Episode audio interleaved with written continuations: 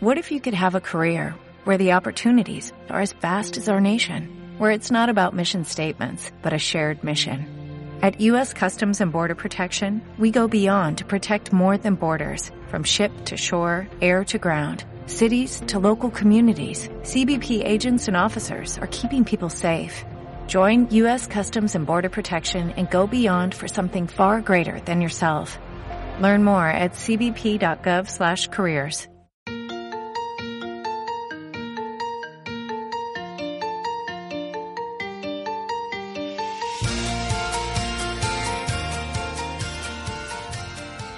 Benvinguts a l'Empordà en Joc, una nova edició del podcast. Uh, avui amb l'absència la, amb de, de l'Eloi, un dels contertulis habituals, però sí que tenim el que us parla, en Manel, i també tenim en, en Cristóbal. Cristóbal, bona tarda. Uh, bona tarda, Manel. Avui tenim un, un convidat que no és um, ben bé ni entrenador ni jugador, canviem una mica de, de registre, tenim un, un coordinador avui. Qui tenim, Cristóbal? Bueno, avui en... toquem una mica el futbol base, que fins ara no, no havíem fet, i avui tenim el coordinador de l'Atlètic Bisbalenc, que és en Xevi Bonet, uh, que també és entrenador, per cert, eh? Vull dir, ara, wow. ens, ara ens parlarà de tot això. Sí, sí. I bé, uh, el saludem. Uh, benvingut, Xevi. Benvingut, uh, bona nit, què tal? Bueno. Bé, comencem a entrar en matèria. Deia en Cristóbal, presentava com el coordinador del futbol base. Explica'ns una mica de quants equips eh, consta el futbol base de, de l'Atlètic Bisbalenc en l'actualitat. Actualment hi ha, de futbol base hi ha 15 equips, vale? començant des dels més petits, que són escoleta, nens de 4 o 5 anys, fins al juvenil, són 15 equips. I llavors hi ha un primer equip, que, bueno, que no, no me'n cuido jo, que cuida el seu entrenador, el president, i si té un compte mal, si doncs, en principi no hi tinc cap lligam. Eh, hi, ha, hi ha algun equip de la Pedrera amb algun tipus d'objectiu esportiu, més enllà de la mera competició i de, de l'aprenentatge de, dels nens? Uh, exactament, no, no, no sé què et refereixes.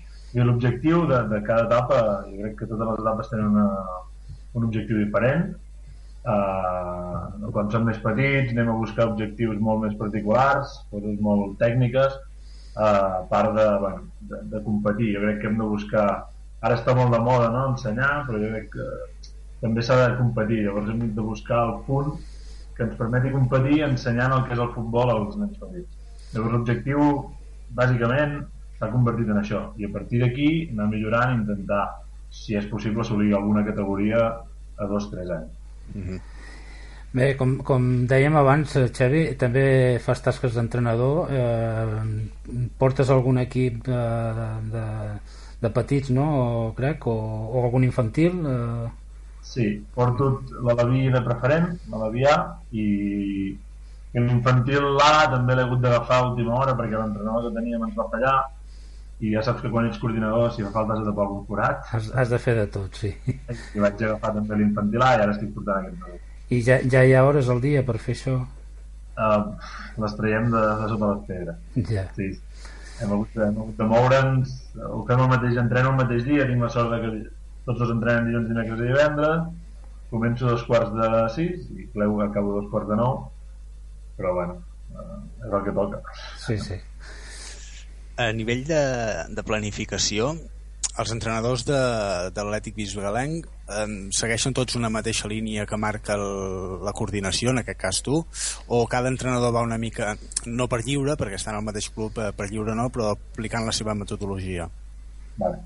Ens, si tu, jo, jo entro, jo és, jo és el primer any que estic de coordinador de Bisbalenc, perquè ara hi havia una altra, una altra persona, i llavors en primer, primer any la tasca és molt d'analitzar què tenim, com, com estem, eh, quins entrenadors tenim, una mica quina, quina, cadascú com entrena, qui, què aporten i cada, cada mes intentem fer una reunió.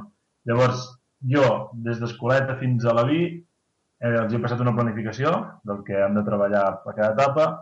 Infant, des d'infantil fins a juvenil els he deixat eh, més llibertat dintre d'uns paràmetres que tenim tots, que bueno, hem passar una, una mica un estil de joc, però sense massa, de, sense ser massa definit, més eh, el seu aire. Perquè un cop, bueno, jo crec que un cop passes de futbol 11, eh, tenim molt associat que tothom vol competir i llavors, bueno, els deixem una mica el seu aire, l'any que ve sí que, que seré molt més eh, diguem, molt més intervencionista, en el sentit de que ja tinc la planificació preparada, tinc una mica model de joc, que no és un sistema de joc, eh? és una mica un model dintre de, d'això, una manera de jugar, llavors cada entrenador haurà de ficar pinzellada. Així que, que crec, jo hi crec, eh, en un model de, de club, mm. bllavors a base fins a dalt, que tothom jugui una mica a lo mateix, sense... Tinguin clar que, que nosaltres no podem triar jugadors, eh? llavors ens hem d'adaptar una mica al que tenim. Clar. L'altre dia vam tenir aquí l'Àngel Roig, l'entrenador del Porqueres, i ell és una mica de l'opinió que l'entrenador bueno, pues, eh, no és el més important no? Eh, ell dona més importància al jugador Eh, no sé, jo a vegades, eh, tots els que hem entrenat eh, hem sigut una mica egoistes a vegades i, i això a vegades afableix una mica el, el jugador de futbol no? el perfil que dintre de, de, que, dels entrenadors que tinguis tu que és el que t'has trobat una mica no potser però com a coordinador tu eh, ets de l'opinió eh, que l'entrenador ha, de, ha de mirar primer pel jugador i l'entrenador era el jugador. Jo crec que en futbol base uh, sí. Però, però l'entrenador, per, per, per desgràcia per mi, jo crec que l'entrenador mira per ell, sempre. Sí. Vale? L'entrenador el que vol, i això ho aprens amb els anys. Jo tens entrenadors de 16 i 17 anys i ells volen arribar al Barça. Sí. I després d'arribar al Barça han de guanyar partits. Uh, llavors passa, passes molt per sobre el fet de guanyar partits ensenyar, ensenyar a jugar a futbol Llavors jo el que vull fer és una mica revertir això. Clar. Hem de competir, hem d'intentar guanyar partits, però en base a formar bons jugadors. Jo m'he trobat, suposo que tu quan entrenaves o quan s'entrenes també, jugadors de 25 anys o 30 o de 18 que, que tenen moltes mancances tècniques i sí. pràctiques. Sí. I llavors jo crec, jo crec que s'han de formar de petit, els hem d'ensenyar tot el que és el futbol, trobar el punt que et permeti ensenyar això i competir, que és complicat, eh, a vegades, per, per quan siguin grans, que és quan realment són futbolistes, tinguin les majors armes possibles per jugar a futbol.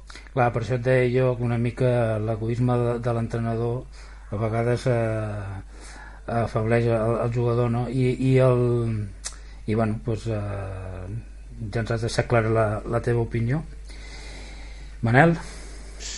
Si jo estava pensant ara eh, que mm, potser és una de les persones més adients per contestar-me una pregunta que jo em faig eh, de fa temps, perquè a vegades parlant amb, amb gent de futbol, eh, sobretot amb excompanys o, en fi, gent amb la que anem parlant aquí a l'Emportant Joc però fora de micro, em dona una mica la sensació de que quan jo havia jugat a futbol, sobretot a futbol base, la, de la manera que ens ho agafàvem els nens, sobretot de, podríem dir de cadet per munt, cadet juvenil, és molt diferent de com s'ho agafen ara. I no només com s'ho agafen els nens, que ara potser podríem dir així vulgarment que passen una mica de tot, eh, sinó també els pares. Abans potser deixaven fer més, no? deixaven jugar als nens i deixaven entrenar els entrenadors.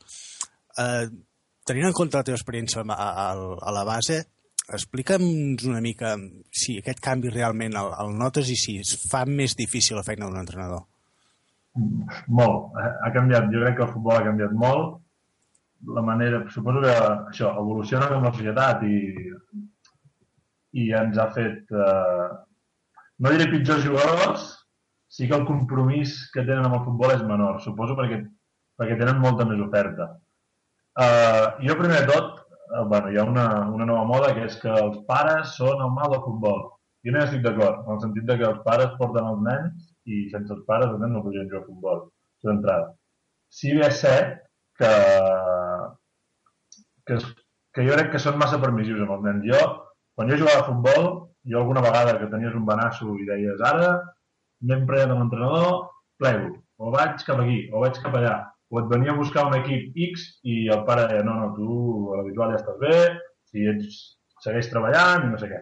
I ara eh, suposo que el Barça fa molt de mal, tothom vol ser Messi, quan són benjamins el nen diu que se'n vol anar, en aquest cas tenim el Girona, i el nen sent benjamí se'n va a Girona, sense pensar-ne les conseqüències al cap del any.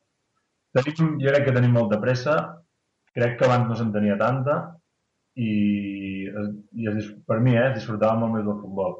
Ara jo crec que no disfruten el suficient del futbol perquè tothom vol arribar el més amunt possible i tothom té pressa per, per arribar als llocs. Jo crec que és una, no una evolució de la societat. Eh? Tothom sempre té pressa i va de pressa i corrent i amb els nens petits també es té massa pressa. Mm. Però... Sí, so, ha, ha, ha canviat... Digues, digues, digues. No, no, que ha, que ha canviat tot molt, que, que això, que el jugador no, no ho sent com abans. Jo recordo ah, i enfadar-me, també el meu caràcter era complicat, però no sé, el grup d'amics que pujàvem sempre, quan perdíem, eh, passàvem unes hores, eh? i ara surten del camp i miren si ha guanyat el West Ham, si el Barça no sé què, jugadors a la mitja part preguntant què ha fet el Barça, i és com, hosti, quan jo jugava a mi no em passava això, segur, eh? Sí. De fet, sobretot la sensació que tinc jo és aquesta que deies, no? la, la implicació de, dels jugadors, de les, les ganes, de, en fi, que ara sembla que vagin a, a jugar a futbol una mica com passatemps i potser en altres èpoques eh, anaves més a jugar a futbol com a, bueno, com un esport i et senties realment futbolista encara que fossis a, a, el suplent de qualsevol equip de, de, en fi, de cadets, de juvenils, d'infantils, de fos la categoria que fos. Un altre problema que, que també sorgeix habitualment als clubs, eh, sobretot els clubs modestos, és una mica l'economia, no? sobretot en aquests moments de, de crisi. Uh, de quina manera t'afecta, o, o així en, en global, de quina manera creus que t'ho afecta això als clubs, però sobretot als, als pares, que deies abans que, que si els nens poden jugar a futbol és gràcies als pares que els porten, però en moments així és complicat, no? Molt difícil. A més, necessites moltes ajudes de les institucions, les institucions et diuen que ells no tenen diners, uh, vas a buscar empreses i les empreses tampoc tenen diners i, i és un pes que es mossega la cua. Llavors, mm, bueno, eh, sobrevivim una mica això en base a les quotes, les quotes dels pares cada vegada a tots els equips són més altes perquè reps menys ajudes exteriors i llavors s'ha d'anar suplint com es pot. Entrenadors mal pagats, perquè jo crec que l'entrenador més de base necessites entrenadors formats, entrenadors que sàpiguen de què va el cuento, almenys l'idea que tinc jo de, de com ensenyar el futbol. I, clar, mm, vas oferir què, 150, 120 euros a un entrenador que tingui tercer nivell i et diu, bueno, tu penses que, que soc tonto. Hi ha gent que em diu, jo per 120 euros no poso ni la clau al pany. Um, abans parlant de la implicació dels, dels jugadors, creus que la implicació dels entrenadors ha canviat també? Uh, sí, perquè crec que, bueno, ja, abans ja ho he dit una mica, jo crec que els entrenadors volen, volen pujar, com triomfar amb el futbol, volen arribar el més alt possible. Que, de fet, jo crec que està bé com a objectiu, però mai pots oblidar que al final estàs formant nens i que el que interessa és que, que aprenguin a jugar a futbol. Llavors, l'entrenador crec que també això, tu professionalitza massa, són massa competitius, deixen de banda una mica el que realment importa en edats eh, edat fins a cadet, jo crec que primer, bueno, part de competir, ja ho dic, jo sóc de persones que creu que, que s'ha de competir, però has, això, també has de formar has d'ensenyar com es juga a futbol i ens n'oblidem una mica a vegades. Mm -hmm. eh, Xavi, eh, bueno, parlant una mica de, de, de l'economia, com està, eh, amb el que afecta el futbol, i, i també ens comentaves que, bueno, que el primer equip de, no, no hi participes, però, no sé, jo sempre he sigut de l'opinió que els pocs o molts diners que hi hagi en, el, eh, en els clubs, que solen ser pocs, eh, s'haurien d'invertir a la base. Vale? Tu, coneixes, eh, tu coneixes els dos mons, eh? el de futbol sènior i ara com a coordinador de la base i jo crec que això, no? que quan més mitjans tinguis pues, eh, més, més qualitat tindrà el futbol base i, i aquests fruits després els recollirà el primer equip.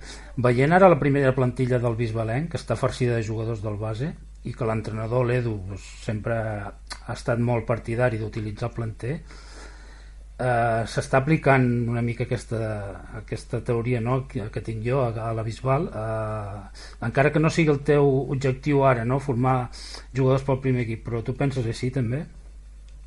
Sí, jo crec que el, o sigui, el primer equip de la Bisbal està format de jugadors de, de la casa mm. segur llavors a partir d'aquí eh, de fet s'ha vist eh, És a dir, històricament la Bisbal sempre és un equip que ha rodat, eh? Sí. Que anava a buscar uns jugadors fora, els jugadors de la casa havien de sortir, mhm. -huh. anaven a jugar a Verges, anaven a jugar on, on, on posa, Verges, sí. Monet, sobretot, etc. I, i crec que, que haurien de jugar tots a casa. Evidentment no hi queben tots, això és, sí. és d'allò, hi, ha, hi ha molts nens i no tothom pot pujar, llavors es fa una mica tard, però sí que, que s'hauria de cuidar més.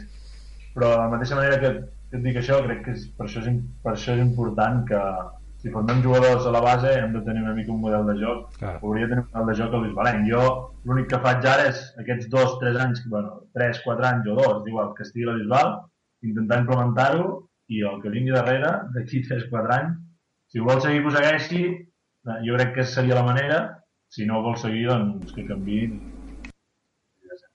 però jo hi crec. Jo crec en un model de joc des de dalt baix de dalt de fort no, no som el Barça, insisteixo, llavors ens hem d'adaptar perquè no podem fitxar. Però sí que tenim una idea establerta per jugar tothom una mica igual i que els teus jugadors, perquè al final el que vols és formar els teus jugadors.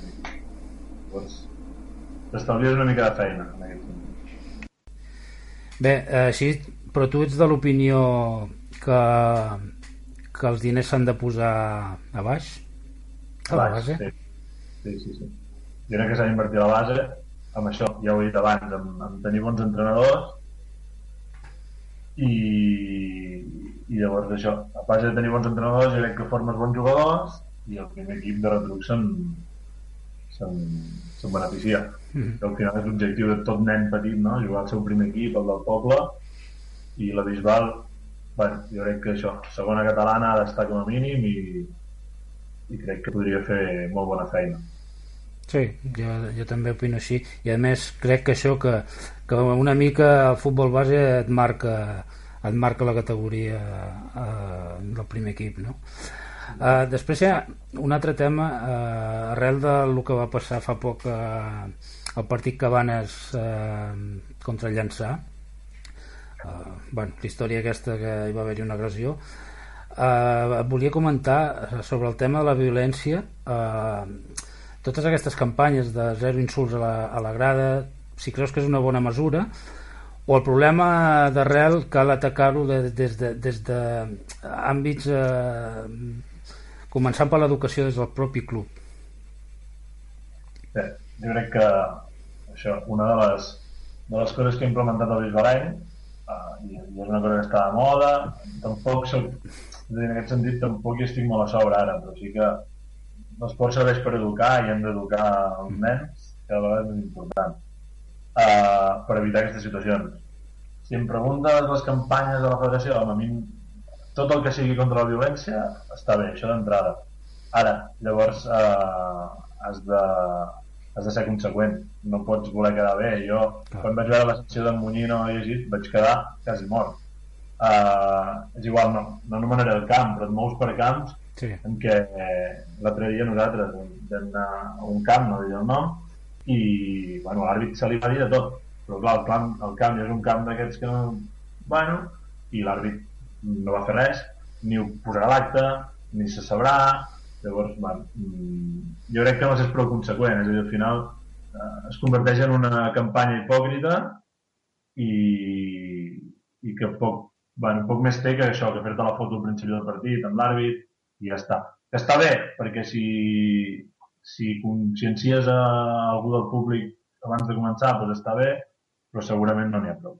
Eh, de tota manera, eh, crec que Tarragona i no sé si Barcelona s'han arribat a suspendre alguns partits eh? Eh, per, per insults però jo crec, jo crec que aquí qui té, qui té una mica la clau de tot això són els clubs i la tasca que feu els coordinadors d'inculcar això tant a pares com a jugadors eh, per mi és essencial més que aquestes campanyes Sí, sí, sí estic totalment d'acord eh? s'ha de des del club el que passa que eh, un cop entres a un club és a dir, si, si tu el formes de nou eh, pots marcar molt els pares de prop sí. però quan, quan tu entres a un club nou sí. educar un pare o sigui, anar a un pare i donar-li una lliçó de de comportament et pot, et pot comportar problemes. Llavors, això és, és, és una feina que està molts anys, però molts, i, i que s'ha de fer, eh? n'estic convençut. A més, però bueno, hem de començar pels nens. Si tenim nens educats al camp, eh, segurament a la grada el pare ja tampoc li donem massa raó perquè, perquè es posi com un boig i, i llavors evitarem moltes situacions uh, problemàtiques. Sí, i després... No hem tingut masses situacions problemàtiques en no, aquest sentit. Eh? I després no ens enganyem, després també sabem que hi ha clubs doncs, que això doncs, eh, no ho treballen massa, però bueno, eh, dintre de cada, de, de cada club pues, cadascú sap el que fa i és cert eh, primer que els entrenadors siguin educats eh, que transmetre aquesta educació al nano i a partir d'aquí jo crec que les coses com s'han de fer és que més jo crec que es complica encara més en el sentit que deia abans en, Xavi de, de l'àrbitre, per exemple, que no posarà res a l'acte, que no se sabrà. Però esclar, aquí la federació també deixa una mica l'àrbitre exposant, no? El, el tira els lleons en segons quins camps i l'àrbitre s'ha d'espavilar ell sol perquè està absolutament sol ante el peligro i és clar, tampoc ho pot posar a l'acte perquè um, s'exposa que algun altre dia hagi de tornar en aquell camp. És clar, és, és una situació molt complicada. No, totalment d'acord, eh? L'àrbit, és a dir, clar, jo he assenyalat a l'àrbit en aquest sentit perquè és el que, el que està al camp i el que pot reflectir. Uh, la manera, suposo que es necessitarien massa, massa persones per controlar-ho. Però, bueno, potser si l'àrbit ho reflecteix a l'acte i des de la federació et truquen a tu, bueno, no, no sé, eh? no sé, no sé la manera que... No estic a la federació, per tant no em toca pensar-ho a mi. Sí que si realment volen posar fre a una mica tot això, perquè tothom, qui més qui menys, és el que ha en Cristóbal, eh?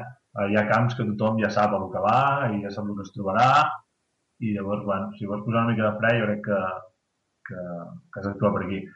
En el que nosaltres, ens, com a coordinadors, ja no parlo només per mi, com a coordinadors ens concep, jo crec que això, tenir entrenadors educats i jugadors educats i que sàpiguen comportar, segur que frena un munt d'accions conflictives. Llavors, en el que m'hi puc fer representa, jo crec que, que és això. Mm. Passem a coses més, eh, més positives, més alegres.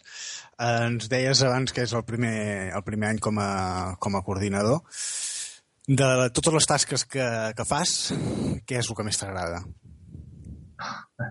El que més m'agrada és el treball de camp, sempre. Estar al camp, intentar, primer jo, eh, com a entrenador, a mi m'agrada molt entrenar, m'agrada molt eh, ensenyar, ensenyar o ajudar el nen a aprendre a jugar a futbol. I, i llavors quan fas les reunions amb els altres entrenadors eh, intentar-los ajudar, intentar-los donar, donar el diàgnot perquè, perquè funcioni millor. I llavors ara el que estic molt entretingut i que és el que seguirem una mica l'any que ve és en fer en, en treure un, una idea de joc de, del Bisbalany és a dir, en, passar als entrenadors a diferents sortides de pilot, a diferents opcions, com joc combinat, que és el que tothom vol, però també saber jugar directe, que també s'ha de saber jugar. I, bueno, en això estic treballant perquè l'any que ve, quan em reuneixi amb els entrenadors que haurem de tenir per la pròxima temporada, eh, tothom tingui clar per on volem anar. Mm.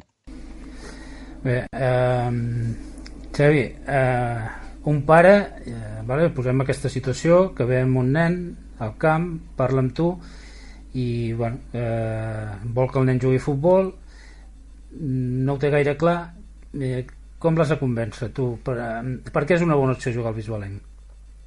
Per què és una bona opció jugar al Bisbalenc? Aquesta és una bona pregunta.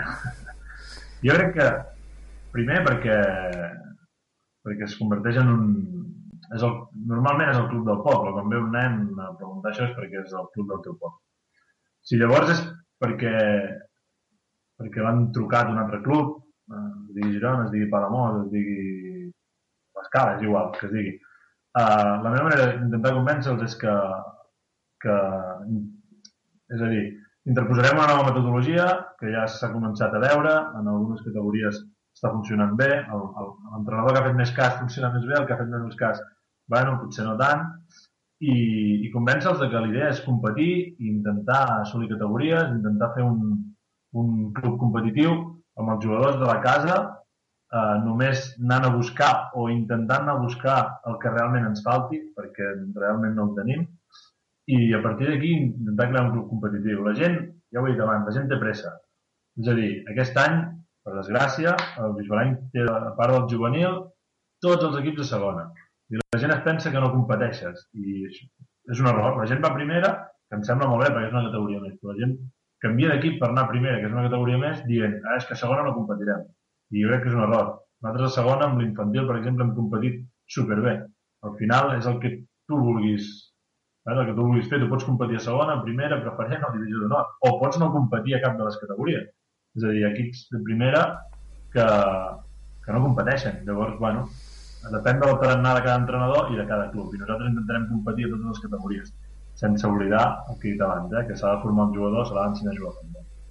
Tota la raó, jo, jo estic amb tu, i a més, eh, bueno, tots hem passat per aquí, no? doncs que teníem un jugador, hosti, eh, me'n vaig a jugar una categoria més, i al final, eh, mira, posant l'exemple del Bisbalenc, eh, quants arriben? Quants oh. arriben? Tenim en, en Joan Jordán, i qui més? Eh, és que és molt... És molt... Cristóbal els que han arribat, la majoria han acabat l'etapa de juvenil al Bisbaleny. Sí, sí, sí. Si tu ets un jugador i, i t'agrada el futbol i segueixes treballant, t'arriba l'oportunitat. Sí. I et diré el contrari, els que han marxat molt aviat, a part d'en Joan Jordan i en trobaríem algun altre, els que han marxat molt aviat, quan arriben a juvenils estan tan farts de fer viatges, discutir-se amb els pares per fer deures, que si no puc sortir, que si no de què, que molts han plegat. Jo n'he vist de la Bisbal, amics, que han quedat al camí, que quan eren juvenils han deixat el futbol o, o han vingut a jugar amb els amics perquè estic cremat. La gent, el que he dit abans, tenen massa pressa i això en la majoria de casos perjudica. I després tenim l'altre cas, que també ens ve al pèl perquè són jugadors quan sortia del Bisbalenc, que són en, en José i l'Òscar Ramírez, que van fer tota l'etapa de futbol base a la Bisbal fins a juvenil i al final van arribar a jugar doncs, a segona divisió en el cas de l'Òscar i en José crec que segona B no? vull dir que no, no s'ha de tenir pressa i, i el que dius tu que si ets un bon jugador al final t'arribarà l'oportunitat per, per algun costat però això d'anar a jugar ja a categories, voler buscar categories amb 14 anys, jo crec que és un error però bueno Sí, això és de molt anys, jo crec que això. El problema moltes vegades és que, que bueno, ja ho entenc, eh? Uh, sí. Girona, o ara sí. Bell de Bustera, que està de moda, i van a fitxar un Benjamí i sí. li venen que jugarà a segona A. Clar, clar, clar. I és totalment lícit i jo ja entenc que la gent s'ho cregui. Però segurament també la experiència de viscut els anys que poder portem tu i jo en el futbol fa que es precipitin. Sí. I, I a vegades passa. I a nosaltres, com a club petit, ens perjudica molt. Sí. Perquè, perquè això, hi ha jugadors que marxen, amb l'infantil ens anar més lluny en van marxar tres, que segurament si no haguessin marxat l'any que ve, o sigui, hauríem competit molt bé com hem fet, segurament haguéssim pujat i l'any que ve competirien a primera, perquè a més eren de primer any. Llavors, bueno, ells han decidit marxar, algun no ha competit, és a dir, està categoria més però no ha competit, i, bueno, és complicat.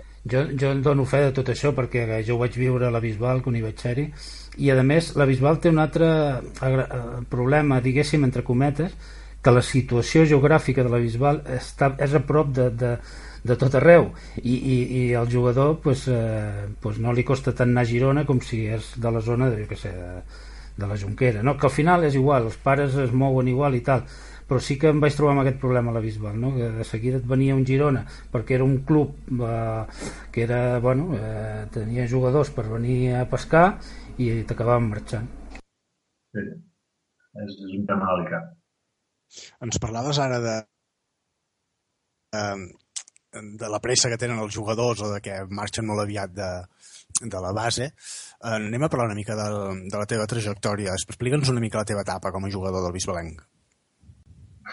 Jo, com a jugador del Bisbalenc, vaig començar amb 4 anys, crec, 4 i mig, i vaig estar fins a, fins a juvenil, no vaig, tampoc vaig marxar mai, tot i que alguna vegada vaig tenir l'oportunitat.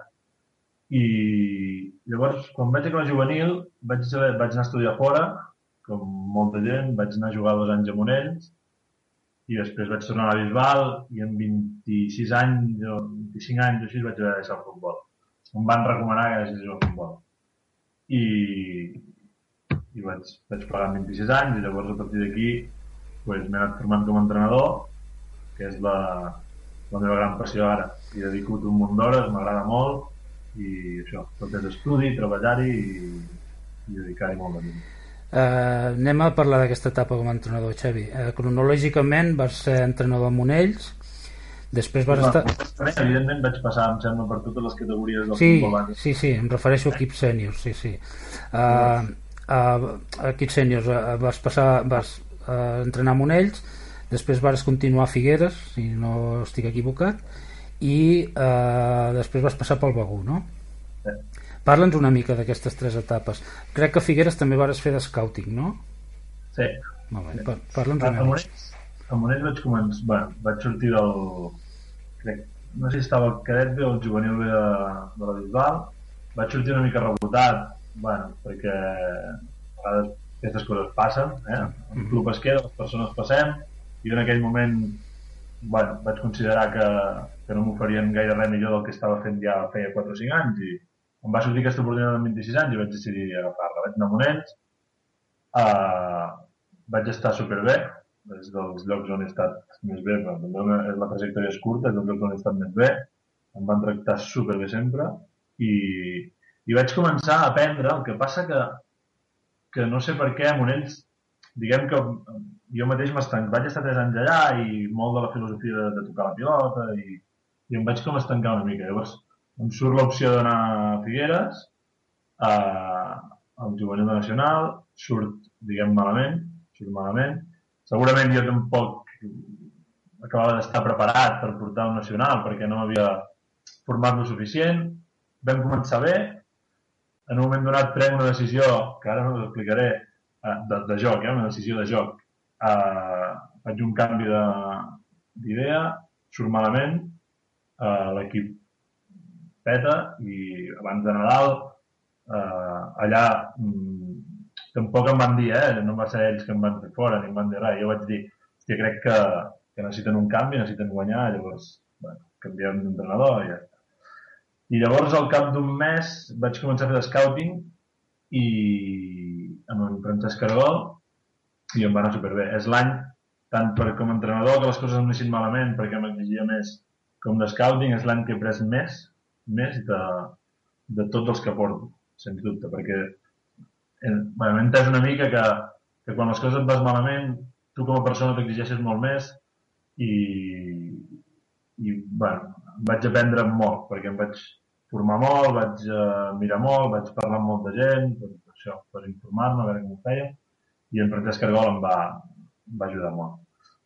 I llavors, eh, acaba, bueno, vaig, ja vaig acabar aquella temporada de Begú, sis partits, perquè el president era amic meu, i vaig anar a acabar la temporada, i llavors vaig fer l'any passat a Begú, per mi una gran temporada, eh, amb un equip bueno, hi havia, almenys la categoria havia 5 o 6 equips més potents que nosaltres i nosaltres vam quedar tercers, vam tenir opcions de promocionar fins que quedàvem dos o tres partits i és una etapa també on, on a part de jugar bé vaig trobar un bon grup de, de persones i, i vaig disfrutar molt, de veritat. Eh, ara has encetat una nova, una nova etapa com a, com a coordinador, ja ens has explicat que més o menys ja estàs pensant una mica en, en la temporada que ve amb, amb les pautes eh, que vols eh, implementar al club a mig llarg termini eh, vols seguir com a coordinador Mm, vols tornar a les, a les banquetes No, no es pot dir mai, eh? però tinc bastant clar que quan deixi aquesta coordinació uh, serà l'última que faré. Jo he, he vist que el que m'agrada és entrenar. Jo vull fer treball de camp, uh, entrenar gent gran. Amb els petits disfruto molt perquè veus un gran progrés per la manera d'entrenar, però, però vull entrenar sèniors, uh, gent gran, terceres, segones catalanes, on, on arribi i, i això, intentar estar allà. Com a coordinador, això disfruto en el sentit de que, bueno, doncs vaig, també vaig començar amb un any de coordinador, vam muntar una idea, aquesta idea, això de 3 anys, canvi, ara vull estar 3, 3 anys o 4 aquí, si, puc, si pot ser, que tampoc se sap mai, i, i després dedicar-me a entrenar, que és el que realment m'apassiona i el que, el que em ve més de gust. Bueno, Xavi, doncs eh, anem despedint eh, el programa d'avui. I bé, jo eh, com tinc el cor també una mica bisbalenc, he estat dues etapes allà. Eh, la primera va ser molt bona, la segona no tant però va ser on et vaig conèixer la primera. Bueno, jo dic que com a jugador eh, m'agradaves perquè eres fi, com a entrenador no conec tant, però sens dubte me quedo com a persona, perquè eh, jo el temps que vaig estar allà, el, el, que, te vaig, el que vaig tractar amb tu, vaig conèixer i me vas tractar sempre molt bé. I res, doncs desitjar-te que, que tinguis aquest temps per implantar tot el que vols fer en el club eh, que és un club eh, molt maco i, i que tinguis tota la sort del món. I bé, si et veiem a les banquetes doncs com més molt millor i, i res eh, molta sort moltes gràcies. Que això, també de sort i que vagi bé. Molt bé. Jo a part de desitjar-te tota, la, tota la sort aquesta també, doncs, també agrair-te eh, que ens hagis eh, donat a, posat el teu, gra, el teu granet de sorra aquí a l'Empordà en joc que hagis eh, doncs, eh, atès a la nostra, a la nostra invitació. Esperem que et vagi molt bé i repetir doncs, moltes gràcies per la teva, per la teva assistència. A vosaltres, merci a tots vosaltres que ens sentiu una setmana més eh, moltes gràcies Esperem que us hàgiu passat tan bé com els anteriors podcasts i que els pròxims també us ho passeu molt bé. Moltes gràcies i fins la pròxima.